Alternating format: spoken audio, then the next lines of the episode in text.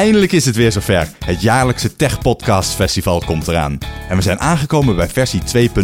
Want op zaterdag 22 juni kun je live in de Bali in Amsterdam komen kijken naar vijf van jouw favoriete podcasts. En dat belooft een gezellige dag te worden, want er is plek voor 200 man, een bar in de zaal en een programma vol fantastische live-opnames. En al dat moois wordt mede mogelijk gemaakt door TransIP. Natuurlijk is met Nerds om tafel van de partij, maar weet je wie er ook zijn? Amsterdam, bier en podcast nerds, dat lijkt ons een ideale combinatie. Als Neder-Belgen kunnen we uiteraard niet ontbreken op het tweede Tech Podcast Festival. Tech45 is er zeker bij. Hallo, ik ben Tom Aalmoes. En ik ben Linda Duits. En samen met Sydney Smeets komen wij op het Tech Podcast Festival praten over nerds in de popcultuur. Want wij zijn geeky dingen. Hoi, ik ben Wout van Tweakers. En waar we vorig jaar alleen host waren en niet meededen, zijn we dit jaar met de Tweakers podcast ook van de partij.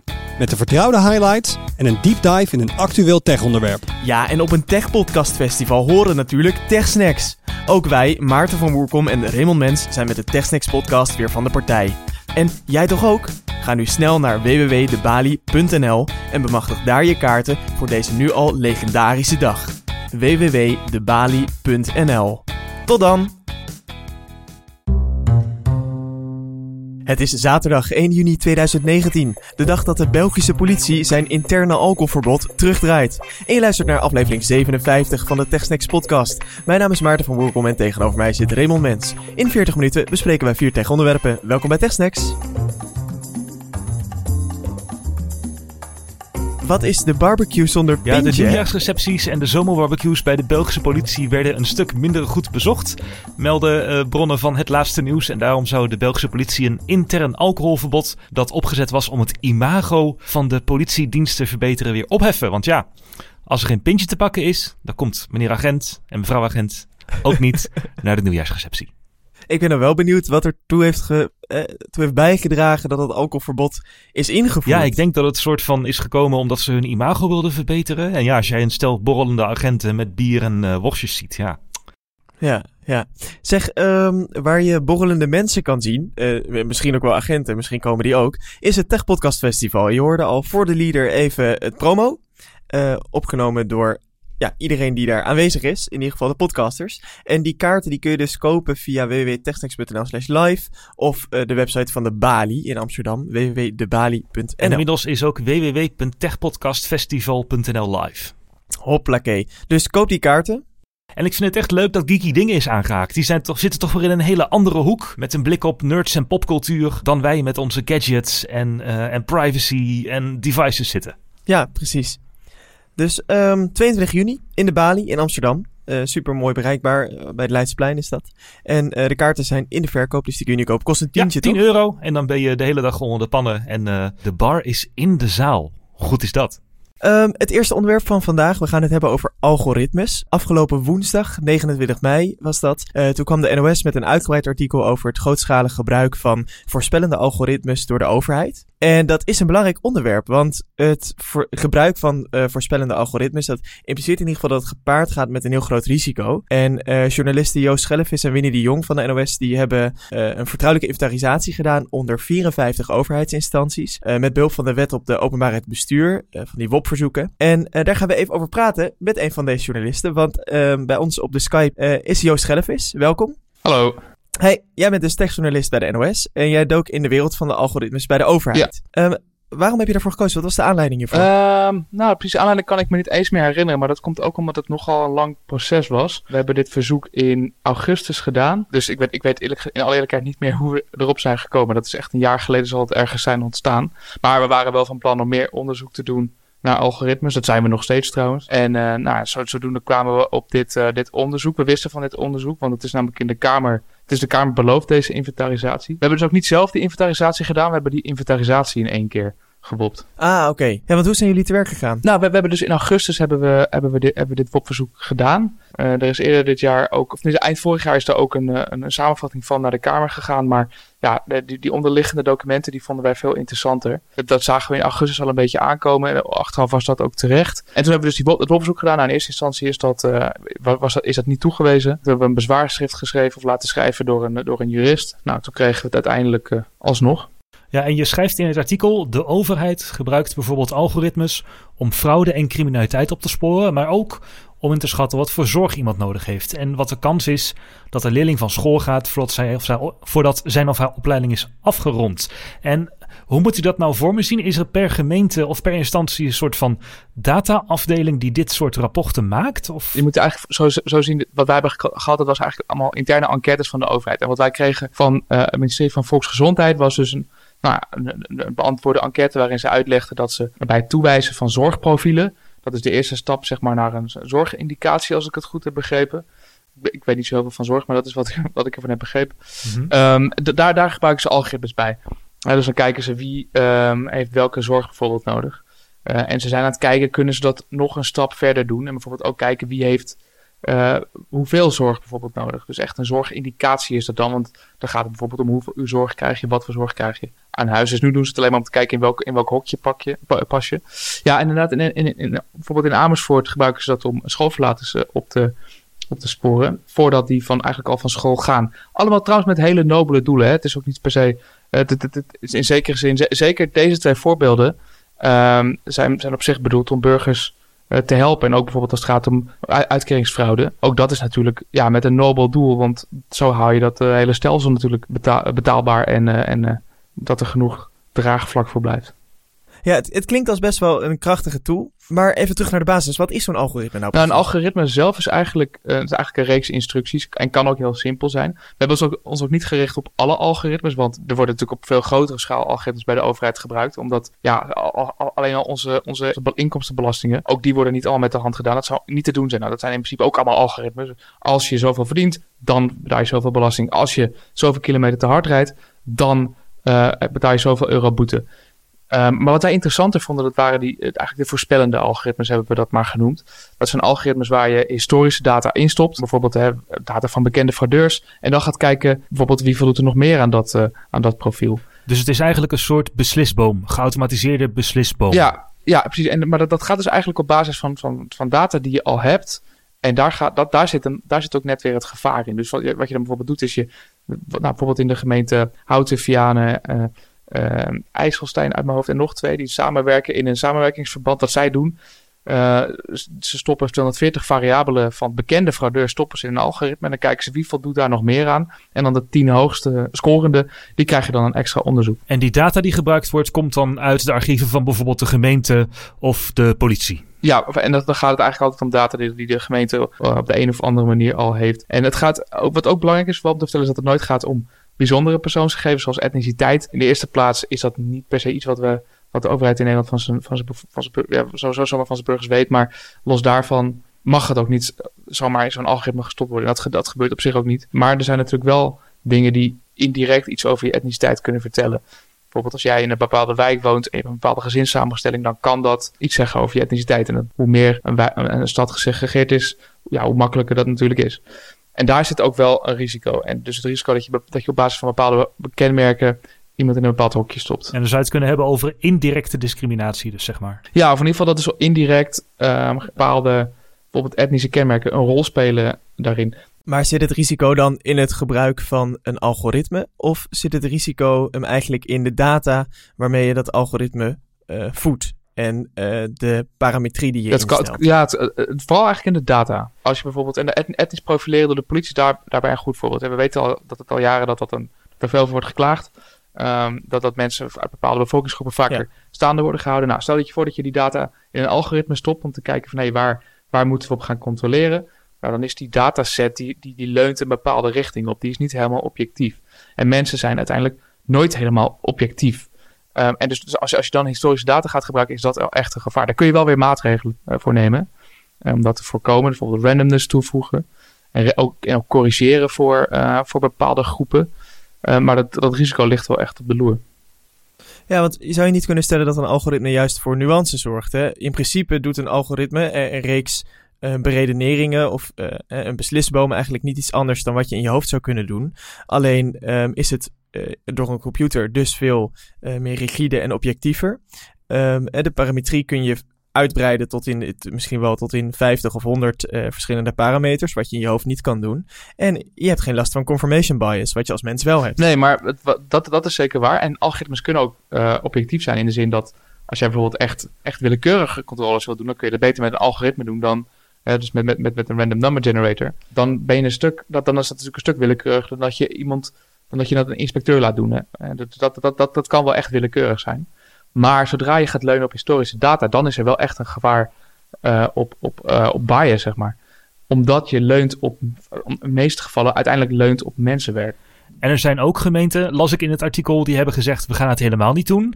En er zijn ook weer gemeenten die zegt: we laten altijd een extra paar ogen naar de uitkomst van de selectie die het algoritme heeft uh, gemaakt kijken. En dat is natuurlijk wel goed. Maar een van de uh, kritiekpunten die ik in jullie artikel las, wat ook uh, Arleid Wolfsen van de Autoriteit Persoonsgegevens zei, is dat er niet echt een centraal zicht is op wat er allemaal gebeurt bij die gemeente. Toevallig doen het er een aantal goed en toevallig niet. Er is niet echt awareness voor dit datagebruik, denk ik. En wat dat betreft vind ik het wel interessant dat heel veel van dit soort dingen ook eigenlijk, zeker bij het grote publiek, maar ook voor deskundigen vaak helemaal niet bekend zijn. Helemaal geen dat, dat er helemaal geen rugbaarheid aan is gegeven. Dat vind ik wel heel opvallend, als, want het is wel een hele andere manier van werken. Nou, dat hebben jullie nu uh, in ieder geval gedaan. Wordt het nog vervolgd? Ja, zeker. Nou, wij blijven sowieso onderzoek doen naar, naar algoritmes. Ook in het geval van de overheid, maar zeker ook uh, daarbuiten. Want er zijn natuurlijk nog veel meer gebieden waar je door een algoritme kunt worden gediscrimineerd. Bijvoorbeeld, denk aan verzekeringen. Dus nee, daar zijn we zeker nog niet mee klaar. Hey Joost, hartstikke bedankt dat je even wilde inbellen. Ja, geen probleem. En ehm, wordt vervolgd. Zeker, dankjewel. Tot zover de algoritmes. We gaan het hebben over een populaire browser. Welke browser gebruik jij, Maarten? Ja, Safari. Standaard. Gewoon Safari, wat, er, wat erbij komt. Ja, ik switch tussen Safari en Firefox, maar ik heb het idee dat half Nederland wel Google Chrome gebruikt. Oh, die heb ik trouwens ook erop staan. Voor als ik op het intranet wil van het ziekenhuis, want dat doet het niet in Safari. Ah ja, ik heb hem voor uh, Ziggo Go, want dat werkt nog met Silverlight. Oh ja, dat heb ik ook, ja. En heel veel mensen, of althans een deel van de Nederlanders, zal in zijn Google Chrome ook een adblocker hebben zitten. En gezien de staat van het internet met steeds uh, brutalere banners en tracking, is dat geen overbodige luxe. Nee, maar ja, het is natuurlijk een beetje omstreden, die adblockers. Want je kan ook zeggen van ja, die online media die hebben daar hun inkomsten uit. Maar goed, in Chrome was het heel makkelijk hè, om, om zo'n adblocker te installeren. Ja, je hebt de Chrome, uh, de store, de Chrome Store met extensies en daar staan ze allemaal in. En vaak hoor je niet alleen dat mensen zeggen ja, ik doe het om uh, banners te blokkeren, maar ook voor een privacy. Pagina's gewoon sneller laden, want een banner bestaat vaak wel uit een paar honderd kilobyte JavaScript. Um, en dat scheelt ook weer accugebruik en op mijn mobiel ook weer datakosten. Dus er is wel een soort van valide case voor te maken voor een adblocker, zegt degene die zijn grootste deel van zijn salaris uit de opbrengsten van banners zet. Uh, maar ik ben ook ja. consument. en als consument vind ik dat er wel een valide case voor adblockers te maken is. Er is alleen één probleem, want Chrome die gaat adblockers grote beperkingen opleggen. We hebben het volgens mij in januari al eens kort over dit plan gehad in een blokje follow-up. Ja, klopt. Um, en toen uh, hebben de ontwikkelaars van onder andere uBlock Origin en Coastery aan de bel getrokken. En uh, toen liet Google eigenlijk even niets meer horen van zijn plan om de adblockers uh, het leven zuur te maken. Maar nu is het plan ineens terug en is het definitief. Oké, okay, dan moeten we nog wel even, denk ik, weer terughalen wat nou precies het idee ja, was. Um, misschien is het goed om even uit te leggen hoe een adblocker nu werkt. Um, de meeste extensies, de meeste adblockers zoals uBlock Origin en Coastery, die gebruiken de Web Request API. En dat laat eigenlijk uh, zodra je een pagina opvraagt, gaan alle verzoeken die die pagina doet, dus zo laat dit plaatje in, laat dit script in, laat dit, uh, deze tabel in, dit element in, die gaan eerst door die API. En die API die kan aangestuurd worden door die adblocker en die bepaalt dus wat geblokkeerd moet worden. Dus daardoor worden trackers, banners en JavaScript niet eens geladen. Ze worden dus al gefilterd voordat ze geladen zijn. En uh, dat vertraagt de boel dus niet. En is heel efficiënt. Dus een goede API. En adblockers maken daar uh, dankbaar gebruik van. Um, maar juist die API die zal deels worden uitgefaseerd. Ja, en dat is dan wel bijzonder, want die Web Request API die kan bijvoorbeeld ook dingen aan websites toevoegen en niet alleen eruit filteren. Maar Google maakt nu niet de hele API ontoegankelijk, maar de blokkeerfunctie wel. Dus je kunt nog wel dingen aan websites toevoegen via die API, maar filteren, dat wordt aan de ketting gelegd. Ja, dat is wel bijzonder. En dat is dus precies waar de meest efficiënte adblockers uh, eigenlijk hun volledige bestaansrecht aan ontlenen. Ja, zonder die API kunnen zij eigenlijk niet goed werken. En nou is er wel een alternatief, ook dat hebben we al wel eerder besproken. Dat is de uh, Declarative Net Request API. Ja, die werkt net iets anders. En um, het verschil daarbij is eigenlijk dat eerst alle trackers, alle JavaScript, alle banners worden daar gewoon geladen. En pas nadat ze geladen zijn, worden ze door die API uitgefilterd. Uh, dus daardoor heb je niet de voordelen dat tracking geblokkeerd wordt. Het alleen zichtbare wordt weggehaald. En je bent nog steeds die kilobytes aan JavaScript aan het binnenhalen. En uh, die API is ook uh, niet alleen inefficiënt, maar hij is ook nogal beperkt. Want je kunt als ontwikkelaar met die API maar 30.000 filters opgeven. Um, en de meeste adblockers gebruiken de Easy List. Dat is een lijst met daarop de meest gebruikte advertentienetwerken, trackers, iframes, JavaScripts. En die is voor de globale Easy List is al uh, eh, 75.000 filterelementen groot. En als je daar de Nederlandse nog bij telt en de Europese, komen er daar nog eens 60.000 bij. Dus die past nooit in die API. Ah, precies. En Google zegt nu wel, we gaan bekijken of we die limiet kunnen verhogen. We gaan het bekijken, maar geen garanties.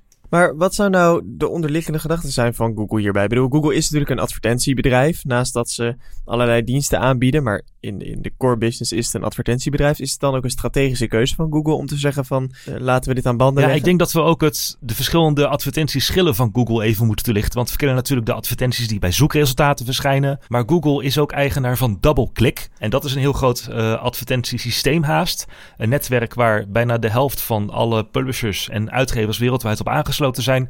Is een soort van marktplaats waar advertenties ingekocht en getoond kunnen worden. Uh, ook op externe websites dus. En daar is Google ook eigenaar van. En hoewel het nergens, ik heb door die. Want Chrome is een open source project min of meer. Dus je kunt door die buglijsten uh, lezen waar dit besproken wordt. En er wordt altijd aangehaald dat dit een technische reden heeft. Nou, omdat Google het voor de privacy niet vindt kunnen dat die uh, extensies zo diep in die API gaan ingrijpen. Uh, dat zeggen ze. Sorry, maar Google zegt dat omwille van ja. de privacy van de eindgebruiker dat ze deze keuze maken. Ja, ze willen uh, de eindgebruiker beter beschermen tegen extensies die heel diep ingrijpen voordat een pagina geladen is. En uh, daarom zeggen ze, daarom uh, willen we die API niet langer openstellen. We willen alleen voor zakelijke gebruikers die een enterprise abonnement hebben en maandelijks voor gewoon betalen. Daar willen we hem nog wel voor openstellen. Maar voor eindgebruikers vinden we het een te groot risico. Enigszins hypocriet is dat wel. Ja, en ook als je bedenkt dat je hebt natuurlijk uBlock, uh, Origin en um, je hebt Ghost3. Dat zijn een beetje de onafhankelijke adblockers. Maar je hebt ook nog AdBlock Plus. Die is niet onbekend. Uh, en die gebruikt die nieuwe API al. Uh, eigenlijk al een hele tijd. Maar AdBlock Plus is een beetje een vreemde adblocker. Um, want die laat bijvoorbeeld acceptabele advertenties door. En ongeveer alle advertenties van Google staan op de acceptabele advertentieslijst.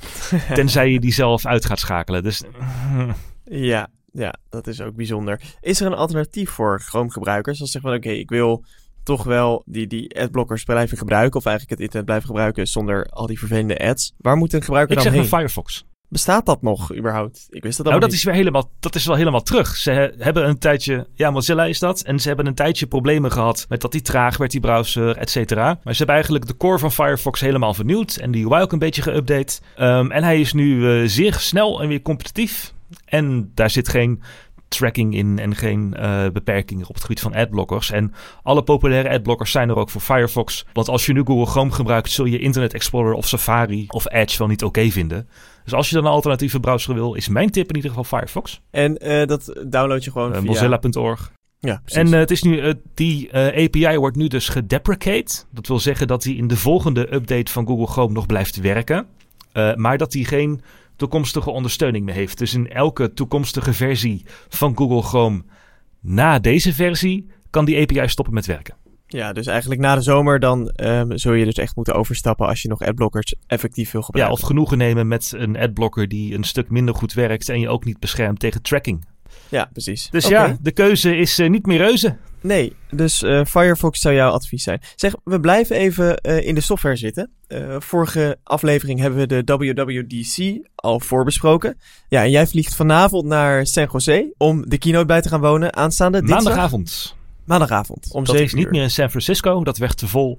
En San Jose ligt ook veel gunstiger tegenover Cupertino. Dus iedereen die bij Apple in Cupertino zit, kan gewoon 10 minuten met de auto naar de keynote rijden. En daarna weer terug. Ja, want het is niet in het Apple hoofdkwartier uh, UFO-gebouw. Nee, nee, WWDC doen ze altijd in een extern um, conferentiecentrum. Omdat dat natuurlijk een hele week is. Ook met sessies en workshops en uh, uitleg voor ontwikkelaars. Dus ze oh ja. huren daar eigenlijk gewoon een heel conferentiegebouw voor af. En voorheen was dat de Moscone in San Francisco. En tegenwoordig is het het conferentiecentrum in San Jose. Oké, dus daar loop jij volgende week rond. Uh, we hebben hem vorige aflevering eens al voorbesproken. En de, we zijn niet de enige die dat hebben gedaan. Uh, Philip Shoemaker, um, dat is een grote man bij Apple geweest. Die sprak met Bloomberg over de WWDC, de WWDC, volgende week. En uh, Philip Shoemaker was de man die tussen 2009 en 2016 eindverantwoordelijk was voor de App Store. Hm. En dat is wel boeiend, want hij ging dus in gesprek met Bloomberg over de aankomende conferentie voor ontwikkelaars. En hij deelde een aantal leuke details over het verleden van de App Store. Dat was wel tof in dat interview. Moet je nagaan wat die man mee heeft gemaakt, hè? Sinds 2006. Dus die heeft letterlijk Ja. de hele opkomst van de eerste fart-apps van de iPhone, eh, die op de eerste iPhone draaiden, tot de complete productiviteitsapps op de iPad. Eigenlijk gewoon de hele ontwikkeling meegemaakt. Ja, want even op de tijdlijn. De eerste iPhone was 2008 en de eerste iPad was 2010. Ja. Inderdaad, die man die heeft de hele eh, eh, softwareontwikkeling eh, naast deze hardwarelijn meegemaakt. Want dat is eigenlijk, we hebben het vaak over de hardware van Apple, maar wat de apparaten compleet maakt, is dat het het alom geprezen ecosysteem van Apple en het alom bekritiseerde ecosysteem van Apple, waar je ingeduwd wordt als Ja. gebruiker, wat ze steeds meer loslaten, maar nog steeds, Apple bepaalt eigenlijk wat fijn is voor jou als gebruiker. En dat is ook de filosofie die ten grondslag lag aan de App Store. Enkele punten die jij noemde eh, over de geschiedenis van de App Store, dat vond ik wel leuk. Aanvankelijk bij introductie van de App Store in 2009 eh, moest van Steve Jobs elke app door drie mensen bekeken worden. Ja, ze hebben nu tegenwoordig nog steeds wel dat keuringsproces, maar dat is dan één reviewer, maar drie paar ogen. Ja, nou dat was niet helemaal werkbaar. Zoals je al zei, eh, nog steeds wordt elke app handmatig gecheckt. Er zijn wel allemaal tools voor die de mensen ondersteunen. Maar in principe gaat elke app in ieder geval door de handen van één eh, Apple-medewerker.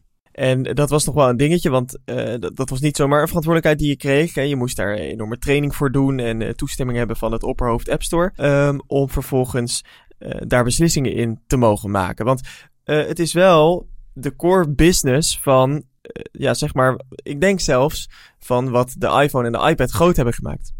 Dus het is wel van groot belang wat er in die App Store verschijnt en ook vooral wat niet. Ehm, er werden twee voorbeeldjes aangehaald ehm, van eerdere apps die nogal voor ophef hebben gezorgd. Kun jij je Baby Shaker nog herinneren? Ja, ja, dat was echt smakeloos. Echt gruwelijk, die app was Ja. dat. Dan had je zeg maar een soort van getekend pentekeningetje van een baby. Die begon te huilen met een timer en dan moest je schudden en dan kwamen er twee rode kruisjes over die ogen en dan was de baby stil. Dat is echt heel naar. Ehm, maar die was dus wel zeg maar toegestaan in de App Store ineens. En hetzelfde ehm, eh, bijzondere appje eh, I Am Rich.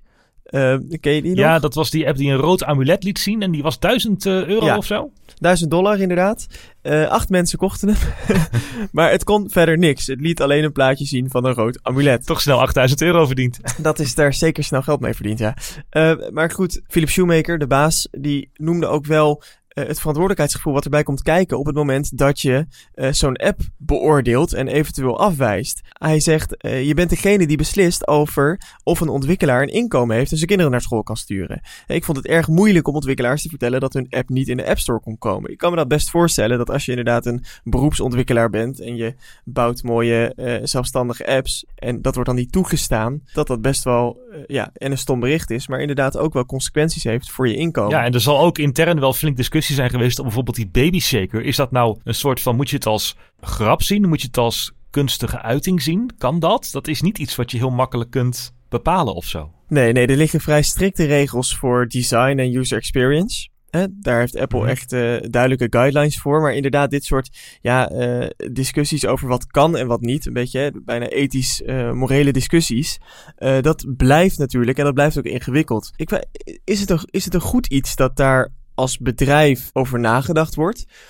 Ik bedoel, het is wel een marktplaats. Moet dat helemaal vrij zijn? Aan de ene kant kun je zeggen, het is het internet, het is open. Eigenlijk moet je kunnen aanbieden wat, oké, behalve als het illegaal is of inderdaad... Vrijheid eh, van meningsuiting, bla bla bla. Ja. Precies. Maar in principe moet je het recht hebben om daarin te kunnen exploiteren. Aan de andere kant kun je zeggen, eh, ja, ho is, eh, de Albert Heijn kiest ook welke producten ze in de schappen leggen en Nou welke ja, niet. Ik heb hier één woord voor en dat is Facebook. Zeg maar, als je niet zo streng bent op je guidelines en eh, dingen die van niet zo hoge kwaliteit zijn, laat floreren, waar mensen best wel naartoe willen vlokken, dan krijg je een soort van Facebook-situatie. En eh, dit is echt een moeilijk punt hoor, want aan de ene kant ben ik van mening dat er nog veel te veel meuk in de App Store staat. Veel te veel apps waarvan ik denk, dit voegt geen functionaliteit toe. Dit is geen, hier zou niemand voor moeten betalen, weet je wel. Dit is gewoon een soort van, ja, net niet scam of zo. En er zijn ook heel veel Chinese kopieën van games uit het westen die het dan tot de App Store halen.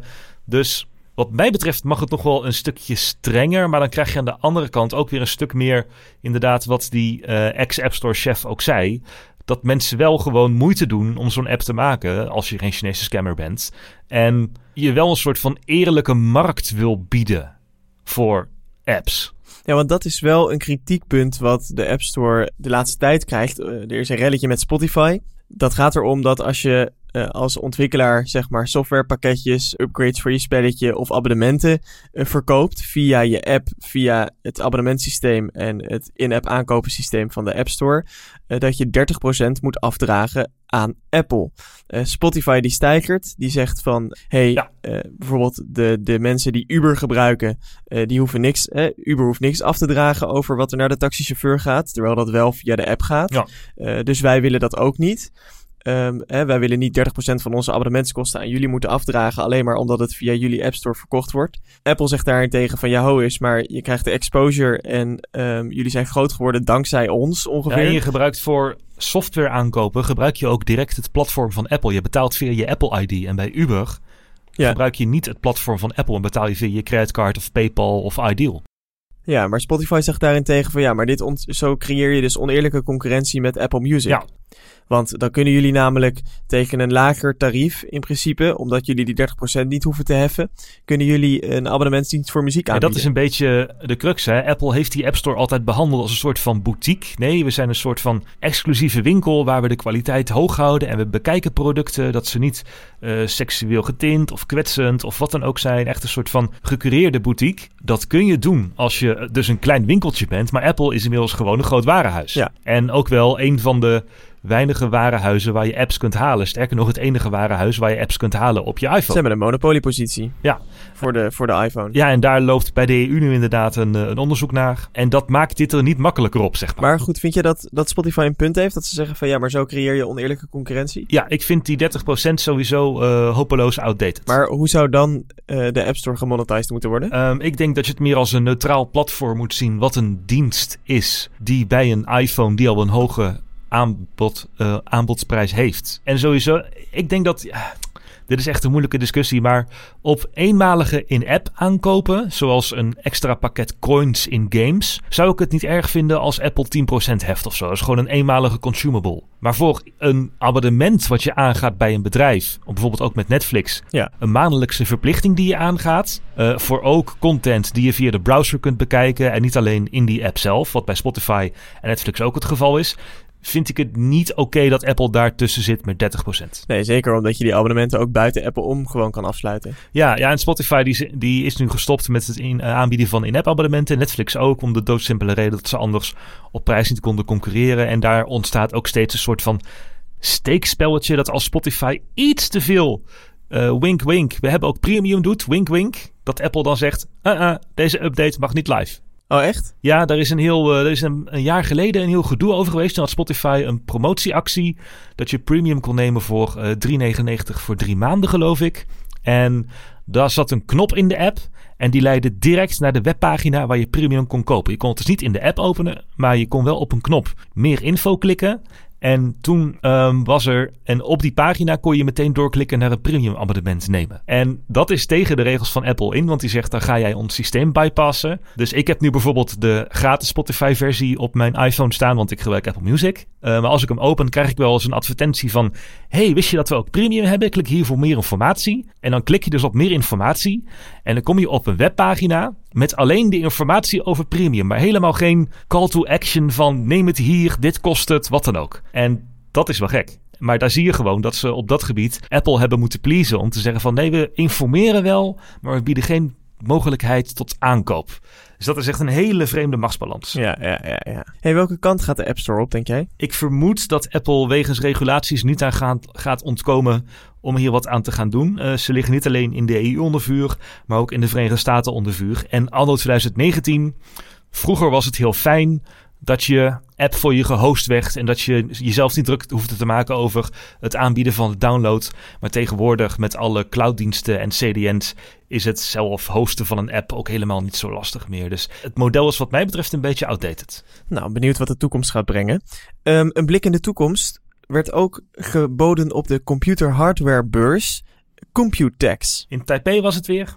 Jaarlijks uh, hardwarefeestje. Het is een soort van de uh, PC, laptop, tegenhanger van het Mobile World Congress. Ja, precies. Dus daar komen eigenlijk de grote computerfabrikanten, behalve Apple, uh, om hun nieuwste hardware te tonen. Ja, en Apple is er indirect wel, want Intel is er. En Apple maakt natuurlijk gebruik van Intel-chips in zijn MacBooks. Ah, okay. Dus alles wat Intel daar aankondigt, dat uh, is ook wel relevant voor de Mac, zolang die nog niet op eigen chips van Apple zit. En uh, we hebben even een uh, overzichtje gemaakt van de belangrijkste en ook als uitsmijter een leuke aankondiging, een grappige aankondiging. We beginnen met een belangrijke. Uh, de Intel Ice Lake chips op 10 nanometer. Eindelijk is het zover. Ja, daar hebben we het een keer eerder over gehad. We zullen de link even in de show notes zetten hoe het nou precies zit. Maar dit was eigenlijk een aankondiging die al eind 2017 gedaan zou moeten worden. Hè? Toen had Intel in ieder geval aan al hardwarefabrikanten beloofd van eind 2017 hebben wij de eerste chips op 10 nanometer klaar. En uh, dan kun je die uh, in gaan zetten en daar laptops en computers omheen bouwen. En toen, ja, krekelgeluiden, want toen kreeg Intel het niet voor elkaar. Maar nu is het wel zover. Tijdens Computex is Ice Lake aangekondigd en een nieuwe generatie chip die op 10 nanometer gemaakt is. En Intel die heeft eigenlijk veel te lang op een 14 nanometer procedé gezeten. En om toch een beetje chips sneller te maken, hebben ze de afgelopen tijd vooral cores toegevoegd. Uh, maar ze liepen op het gebied van uh, kleinheid wel achter. Want Apple zat bijvoorbeeld met zijn chips in de iPhone al op 7 nanometer. Oké, okay, oké, okay, oké, okay, stop. Um, we hebben dit al een keer eerder kort uitgelegd, maar we gaan het gewoon nog even een keer doen. Want uh, je gooit allemaal termen uh, over cores, chips, procedés en nanometers de ether in. En uh, ik moet mijn best al doen om het bij te houden. En ik denk onze luisteraars ook. Vertel, kun je dit even kort uitleggen? Oké, anno 2019 zijn prestaties niet meer het belangrijkste aan een chip. Het gaat meer om accuduur en cool kunnen werken. En cool kunnen werken bedoel je dan letterlijk de temperatuur? Ja, de temperatuur onder andere. Um, en, dat en efficiënt kunnen werken. Uh, dus meer kracht in dezelfde chip zonder groter te worden. En dat bereik je alleen door meer transistors op dezelfde chip te stoppen. En dat nanometer, dat procedé, zegt eigenlijk, even heel plat gezegd, hoe groot een transistor is. Dus hoe groter een transistor is, hoe minder die op een chip kwijt kunt en ook hoe meer warmte ze procederen. Oké. Okay. Dus hoe kleiner jouw procedé, dus minder nanometer is meer transistors op een chip die ook minder warmte produceren, want ze zijn kleiner. En meer transistors is meer rekenkracht. Dus efficiënter, dus sneller, dus accuduur beter. Ja. Et cetera. Ja, dat, uh, dat zijn de voordelen. En er is, was eigenlijk een soort van race ja, naar beneden, want kleiner is in dit geval beter. En Intel is nu dus eindelijk van de 14 naar de 10 gedaan. Terwijl Apple onder andere met zijn eigen chips erop 7 zit. Uh, en dat was een lang, uh, verwacht, lang verwachte aankondiging. Maar hij is nog niet helemaal compleet, die aankondiging. Want Intel heeft nu eigenlijk nog maar drie chips klaar die uh, op dat 10 nanometer, ze heet Ice Lake, procedé zitten. Het gaat er om een i3, een i5 en een i7 die voor ultra portables zijn gemaakt. Zoals bijvoorbeeld de MacBook Air en de 12-inch MacBook. Oké. Okay. Maar dus nog niet voor desktops en iMacs en dat soort dingen. En ook niet voor servers. Maar goed, ze zijn er nu wel. En ze hebben een maximale kloksnelheid van 4,1 gigahertz. En dat is wel een beetje minder dan de voorganger. Want uh, die draaide op maximaal 4,7 gigahertz. Maar Intel zegt dat ze het aantal instructies per kloktik hebben kunnen verbeteren. Waardoor iedere core, die dus op die 10 nanometer gemaakt is, tot 18% sneller zou moeten zijn dan zijn voorganger, Skylake. En we zijn nu bij Ice Lake. Dus als jij een uh, chip met 4 cores hebt, is dat toch een mooie verbetering. Uh, er zijn ook nieuwe GPU's. En wat ik wel uh, grappig vond, is dat ze ook naar een soort van meer dynamische samenstelling van CPU's gaan. We hebben dat een tijdje geleden al bij heel veel Android-telefoons gezien, dat ze snelle cores en trage maar zuinige cores hebben. En Intel gaat met zijn Ice Lake architectuur ook zo'n soort chip maken. Die heeft dan vijf cores en die zijn verdeeld over vier zuinige cores, de Intel Atom cores en één krachtige i5 core. En als jij bijvoorbeeld op je laptop alleen loopt tekst verwerken of uh, wat zit te surfen, dan kunnen de vier zuinige cores het makkelijk aan. En zodra je iets met audio gaat doen of met video, um, dan gaat die snelle core die meer energie gebruikt of die meer energie verbruikt wel aan. En dat is onder andere een goed uh, platform okay. voor de 12-inch MacBook. En wanneer gaan we deze chips zien? In uh, daadwerkelijk in producten? Eind dit jaar moeten ze volledig leverbaar zijn aan laptopfabrikanten. En Intel heeft nog niets aangekondigd over chips voor desktops of servers of workstations. Maar uh, de eerste chips voor laptops op 10 nanometer, bravo Intel. Eindelijk eind dit jaar. Twee jaar later dan gepland. Oké. Okay. Hey, naast uh, nieuwe chips werden er ook uh, nieuwe laptops getoond. Uh, telefoons worden opvouwbaar. En uh, de trend bij de laptops is dat ze twee schermen krijgen. We hadden het al een tijdje bij de MacBook Pro met de touchbar. Dat is eigenlijk een klein, langgerekt touchscreen boven het toetsenbord. Maar tijdens Computex heeft Asus er een schepje bovenop gedaan. Met namelijk de ZenBook Pro Duo. En die heeft niet alleen een 4K-scherm van 15,4 inch. Maar ook boven het toetsenbord nog een uh, scherm van 3840 bij 1100 pixels. Dus eigenlijk een derde van het normale scherm zit ook gewoon nog eens boven het toetsenbord geplakt. Okay. Maar dat dient dan voor uh, allemaal power tools of zo? Voor designers of tijdlijnen van, van film... Uh, appjes, ja, of hoe moet ik dat ja, voor me het, zien? Het kan dan gebruikt worden. Asus zegt dat ze voor knoppen gebruikt kan worden, voor snelkoppelingen, voor opmaakgereedschap en ook voor bijvoorbeeld als je een druk bezet man bent en je wil altijd overzicht op je agenda, kun je ook gewoon. Het is letterlijk een tweede scherm. Je kan gewoon slepen. In Windows, ja, kun je daar gewoon slepen. En ze hebben dan ook aan Windows een uh, extra toegevoegd, waarmee je kunt zeggen: verplaats dit venster naar het tweede scherm. Dat zit dan boven het toetsenbord. En dat maakt het wel een beetje. Ik had jou een ja. plaatje ook gestuurd. Het maakt het wel een beetje vreemd geheel. Want het toetsenbord zit heel ver naar beneden. En daardoor heb je geen trackpad meer. Dat zit nu aan de rechterkant. Oh, dat, ze hebben op, op, aan de rechterkant hebben ze zeg maar het uh, numerieke pad. Dat is ook je trackpad, denk ik dan. Ja, klopt.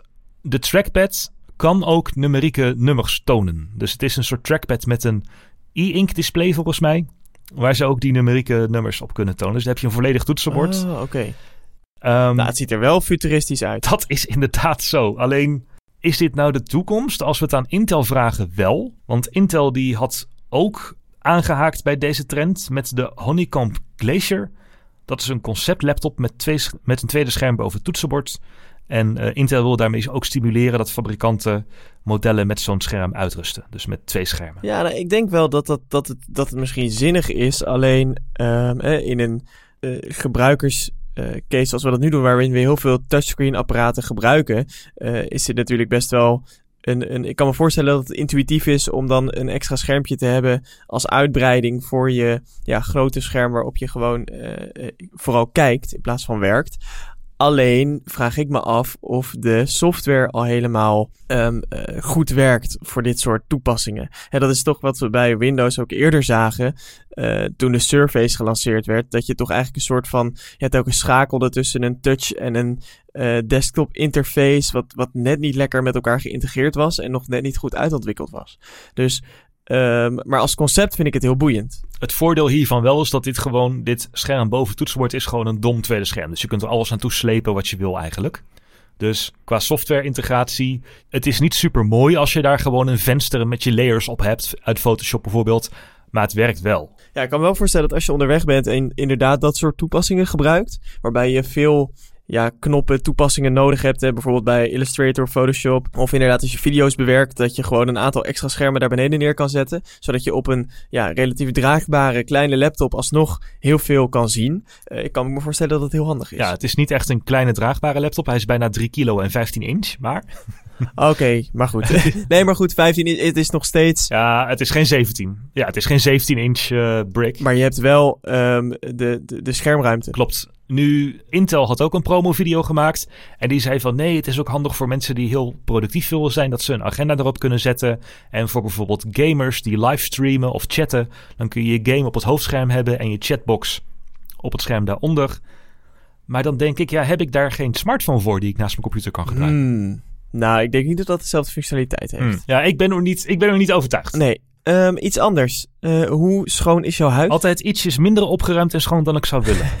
nou ja, misschien kan je dat uh, maar verder gaan automatiseren dan. Want naast nieuwe laptopconcepten en um, uh, nieuwe chips was ook iRobot aanwezig. met de ambitie om je halve huishouden te gaan automatiseren. Lekker. Ja, die kennen we van de Roomba's, hè? Ja, dat zijn die robotstofzuigers. Ja. En nu komen ze met de nieuwe Roomba S9 stofzuigerrobot. En de Brava Jet M6. En dat is een dwelrobot. Je wist niet dat je hem wilde, maar je wil hem, een dwelrobot. Ja, je wil het.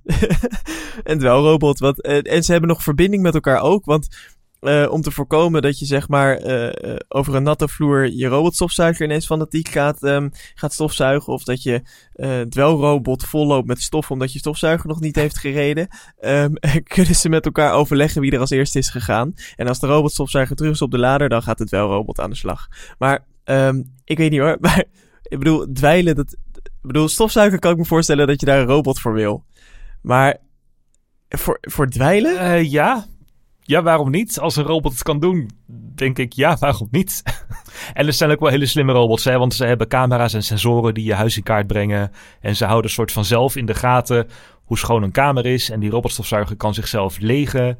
En ehm, je kunt ook zeggen in de app, eh, dwel enkel een, een enkele ruimte of mijn hele etage. Eh, dus ze hebben er wel de best op gedaan. Ja, want die Roomba S9 Plus is inderdaad wel een technisch hoogstandje. Het bevat een 3D-sensor die 25 keer per seconde ruimte scant.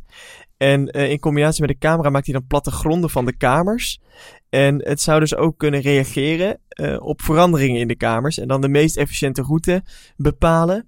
En het kan zich inderdaad, zoals je al zei, zichzelf legen. En het bevat brede borstels en een hoekborstel. En eh, dus, dus ja, op die manier moet je huis wel spik en span worden. Nou, doe mij er maar eh, twee. Eh, Ja, ik weet niet eh, of je vakantiegeld al binnen was. ja. Maar het is wel een forse investering. Want als je dit setje wil kopen, dan ben je, nou, zeg, eh, even kijken hoor. De S9 Plus, dat eh, gaat met basisstationen in de verkoop voor ongeveer 1500 euro. En daar komt dan een Brava bij voor zo'n 700 euro. Dus nou, eh, tel even een ruime 2200 euro neer. En je hebt een geautomatiseerd schoonmaakteam in je huis. Hmm. Mag ik daar nog een weekje over nadenken? Bijvoorbeeld in een vliegtuig naar de WWDC? Dat lijkt me een heel goed plan. Mooi. Dan zijn wij voor deze aflevering van TechSnacks er doorheen. Vier onderwerpen in 40 minuten met speciale dank aan Joost Schellevis, technologiejournalist bij de NOS die goed werk doet met WOP-verzoeken. Dat hoorde je aan het begin van de aflevering. Wij bedanken ook de webhelden en de conversie-optimalisatiehelden van nodots.nl. De mannen uit Eindhoven die eh, wonderen kunnen verrichten voor webshops. www.nodots.nl dus. Ik ga mijn vliegtuig halen. Tot over twee weken. Dan zijn wij er weer. Tot dan. Oh, en ehm, als je nog luistert, 22 juni, de hele dag op zaterdag, techpodcastfestival.nl. Leuke dag met ons en andere techpodcasters. Kaarten nu te koop. techpodcastfestival.nl of via ons techsnacks.nl slash live.